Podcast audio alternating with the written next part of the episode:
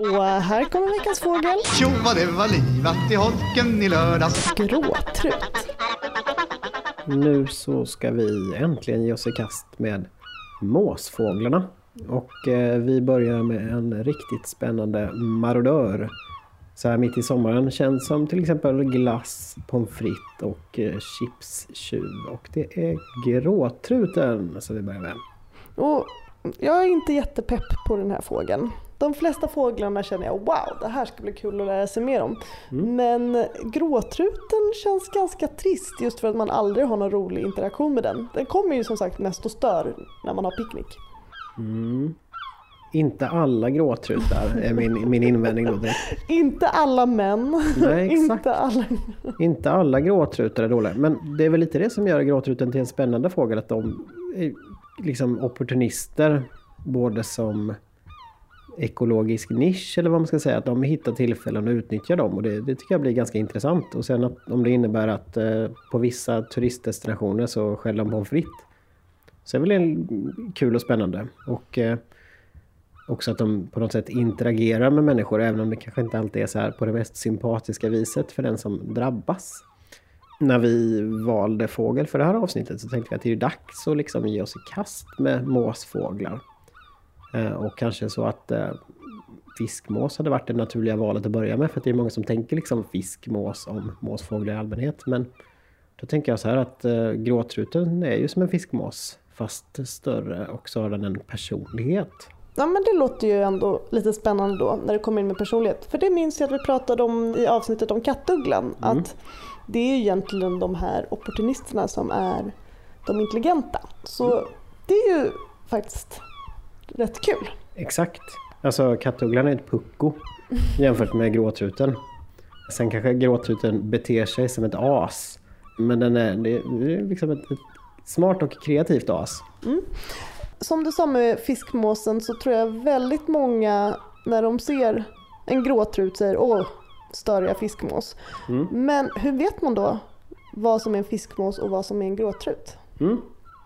Om vi tänker på måsfåglar, det tror jag att de flesta känner igen att det är en mås man tittar på av något slag. Och då finns det två stycken, om vi, nu pratar vi om vuxna fåglar så att säga på sommaren. Eller åtminstone vuxna fåglar som har en sommardräkt som kanske inte alltid är på sommaren just. Det här är lite komplicerat med måsfåglar och dräkter. Men då är det grå ovansida på rygg och vinge och eh, vitt huvud och eh, liksom en gul näbb. Då pratar vi om antingen gråtrut eller fiskmås. Men hur ser vi då skillnad? Eh, gråtruten är större, grövre byggd. Fiskmås uppfattar jag ganska ofta som en liksom, ganska slank fågel. Och gråtruten uppfattar jag som en kraftigt byggd fågel.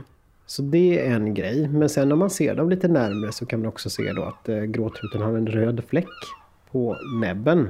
Och det är ett väldigt bra sätt att se skillnad då på arterna. Visst är det så att den har den här röda pricken under näbben för att när den ska mata sina ungar så pickar ungen lite på den röda pricken och då framkallar det en reaktion så att den kräks. Ja just det, det har jag hört talas om. Jag kan inte säkert bekräfta att det är så men, men det stämmer nog. Mm. Vi kommer Du- bli du- nedringda du- om det här är Du fel. får stå för det. Sorry. Men det tror jag. Mm. Ja, nej, men det stämmer säkert. Absolut. Jag tycker också det är kul, eh, jag tittar på lite bilder på fiskmåsen och gråtruten och såg att fiskmåsen har mycket rundare snälla ögon medan gråtruten har mer liksom smala ögon och ser mycket mer badass ut. Ja, precis. De har någon lite så här kall och ondskefull blick. Men så den ser lite elak ut. Är den mer badass än fiskmåsen också?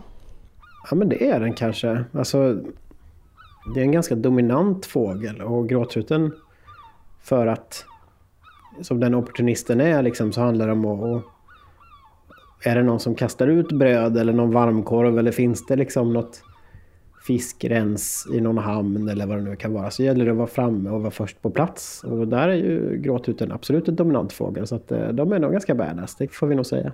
Innan vi vet ordet av har den börjat använda redskap och tar över planeten. Exakt.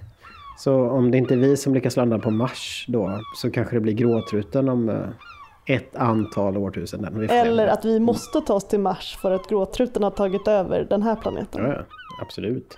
Det börjar med en pommes frites-tallrik och slutar med resten av världen. Sluta med din lever. Mm. Picka på. Oj. Det tar några år innan de får den här elegant gråvita dräkten. Och innan dess så är de i olika sträckning liksom brokiga, liksom i beige och grått och brunt. Och de dräkterna är ganska svåra att beskriva. Och innan var det så att det fanns på sådana här krysslistor som fågelskådare använde för att liksom bocka av vad man har sett. Så fanns det en ruta för ungtrut. Där man alltså inte kunde se skillnad på om det var en gråtrut eller en silltrut eller en havstrut. Utan man bara kategoriserar dem som, som ungtrut rent allmänt. Och jag tänker att det är lite så vi kanske förhåller oss till det också i den här podden. För att fortsätta med det, det är väldigt, väldigt avancerat. Ja, vem bryr sig? Vem bryr sig? Alltså, jag ska vara helt ärlig. När jag skådar fågel, jag struntar helt i det där. Det kan jag förstå. Mm. Men du, det är ju en havsfågel. Ja. Fiskar den någonsin? Det känns som att den lever på pommes frites och glass och sånt. Ja, men de fiskar absolut. Men sen är det också att de kan spana efter död fisk, ilandspolad fisk eller om det ligger as eller om det ligger i princip vad som helst. Så att de gillar liksom att, att kolla olika möjligheter att hitta mat och anpassa sig till det. Har man studerat välmående hos gråtruten nära en badplats respektive där det inte finns lika mycket tillgång på pommes frites och glass, om välmåendet är bättre när det är lite mer marin kosthållning? Mm. Jag vet inte så mycket om det på när det gäller måsfåglar men sen har vi en annan kategori opportunister som är kråkfåglarna. Och där finns det ett begrepp som heter junk food crows som alltså då är skräpmatskråkor som, eh, som äter liksom papperskorgar och så McDonalds-rester eh, och sånt. Som kan ha problem med bildning och liknande, att, att det är en, så här en, en ensidig näringsfattig kost. Det där är lite grann en... Det kanske inte är helt verifierat detta. Men det skulle helt säkert kunna förekomma hos eh, trutar också, något liknande. Men å andra sidan så gynnas de ju av att det finns födotillgång. Och framförallt så är det viktigt att faktiskt få den energi som behövs för att överleva. Eh, Så att eh, jag tror att tillgången på tveksamma kalorier är nog bättre för dem än något annat. Och gråtruten som art gynnas definitivt av mänskliga aktiviteter. Men då får den se till att eh, hålla till vid en badplats med lite mer fine dining så att den kan Mm. snappa åt sig någon liten tomat och eh, fiskbit nu och då också. Ja, nej, men det är nog bra. Annars en sak som gråtruten har gynnats väldigt mycket av historiskt så att säga och det, det håller på att försvinna nu apropå bra eller mindre bra mat. Det är ju faktiskt sådana här öppna soptippar. Mm. Öppna soptippar är ju en enorm födotillgång. Det, alltså det vet vi av när det gäller råttor och liknande. Då. Så att måsfågel har gynnats jättemycket av dem. Eh, Och sen har ju de börjat försvinna i Sverige. Och det är faktiskt en av anledningarna till att gråtruten faktiskt har börjat minska i Sverige nu också.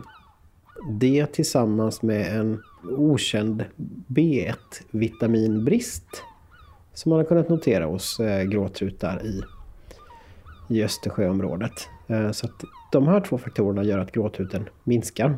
Så att eh, då tycker jag att man kan ändå undra om att de stjäl ett pommes frites eller två. Eller en granola bar. Eller en granola bar, absolut. Självklart. Skränandet då? Vad kännetecknar ett gråtrutsskrän? Ja, men gråtrutskärnet är ett ganska klassiskt eh, kustläte får man nog säga som känns igen och jag tror att eh, det är väl helt enkelt bäst att lyssna på det här för att och, och se hur det låter.